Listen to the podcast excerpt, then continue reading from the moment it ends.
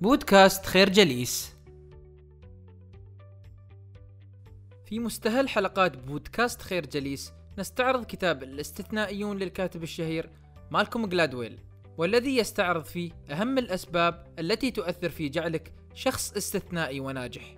فيبين في فصوله أن هناك مبالغة شديدة في تقدير قيمة الذكاء والتي تتمثل في اختبارات ال IQ كما يوضح أن النجاح لا يعتمد فقط على قدرتك وموهبتك فإنما هو عبارة عن خليط من مجموعة من العوامل مثل الحظ وعادات وتقاليد الشعوب والعمل الجاد الذي يصل في أغلب الأحيان إلى أكثر من عشرة آلاف ساعة حتى الاحتراف. إضافة إلى ذلك هناك عوامل عشوائية تؤثر في فرصة كونك شخص استثنائي مثل السنة والمكان الذي ولدت فيه. هيا بنا نبدأ استعراض أهم ما جاء في هذا الكتاب. قد يقاس كونك شخص استثنائي وجود عوامل مثل الذكاء والموهبة والقدرة لكن هذا لا يشترط بالفعل أن تكون شخصا استثنائيا. هناك الكثير من العوامل الواقعية والتي تساهم في استثنائية البعض عن الآخر. كريستوفر لاجن ولد في ولاية كاليفورنيا الأمريكية عام 1952 لكن ظهر في عدة مقابلات وبرامج وثائقية وربح 250 ألف دولار في إحدى برامج المسابقات.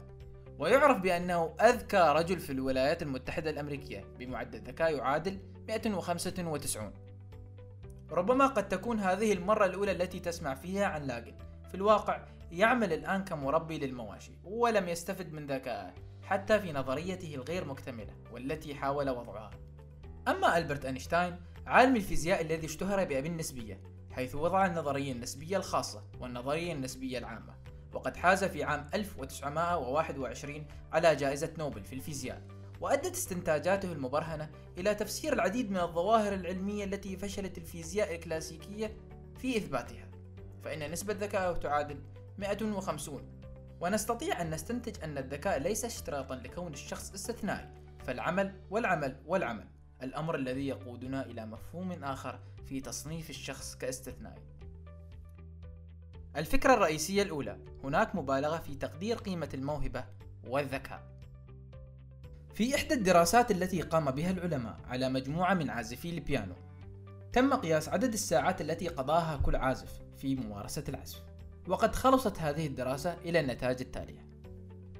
الأشخاص العاديون الذين يمارسون العزف قضوا حوالي أربعة آلاف ساعة والأشخاص الممتازون قضوا حوالي ثمانية آلاف ساعة. أما الأشخاص الاستثنائيون الذين يمارسون العزف قضوا حوالي عشرة آلاف ساعة. هذا الأمر انطبق كذلك على نتائج مماثلة في لعبة التزلج على الجليد وعزف الكمان والشطرنج وأصبح بما يعرف بقاعدة العشرة آلاف ساعة. هناك عوامل أخرى تساعد في زيادة فرص الاستثنائية. فما لا يعلمه الجميع أن كل الأمور كانت مواتية لكي يكون بيل جيتس استثنائي. المكانة الاجتماعية للعائلة ومدى ثقافة الوالدين. فالأب كان يعمل كمحامي مشهور والأم كانت ابنة أحد كبار المصرفيين في الولايات المتحدة الأمريكية. هو الأمر الذي مكنه من دخول المدارس والجامعات الخاصة ومن خلال تواجده في الجامعات توفرت له فرص الدخول إلى مختبرات الحاسوب والتي مكنته من قضاء أكثر من عشرة آلاف ساعة بين لغات البرمجة. حتى العام الذي ولد فيه نلحظ أن معظم رواد الحاسوب مثل ستيف جوبز مؤسس شركة أبل وإريك شميت المدير التنفيذي السابق لشركة جوجل وبول ألين من مؤسسي شركة مايكروسوفت قد ولدوا في نفس العام أو ما يقاربه مما يعني أن ظروف ولادتهم قد تماشت مع ظروف ولادة الثورة التكنولوجية في عالم الحاسوب. تعتبر العادات والتقاليد والإرث الثقافي من الأمور التي تساهم في تكوين الظروف الموائمة لاستثنائية شخص عن الآخر. فمثلا الجد والاجتهاد الواضح على الشعوب الآسيوية هو نتيجة الموروث الثقافي من الأجداد حيث كانوا يقضون الساعات الطويلة في زراعة محاصيل الأرز كذلك تركيبة اللغة التي تضمن التسلسل المنطقي للأرقام الأمر الذي لا يعقد الرياضيات.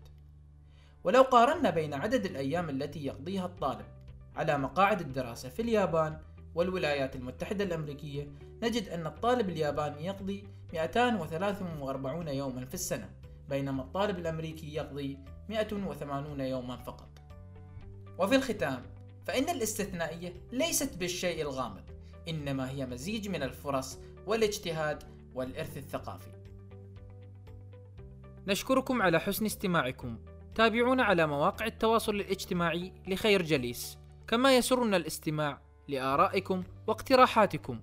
ونسعد باشتراككم في البودكاست.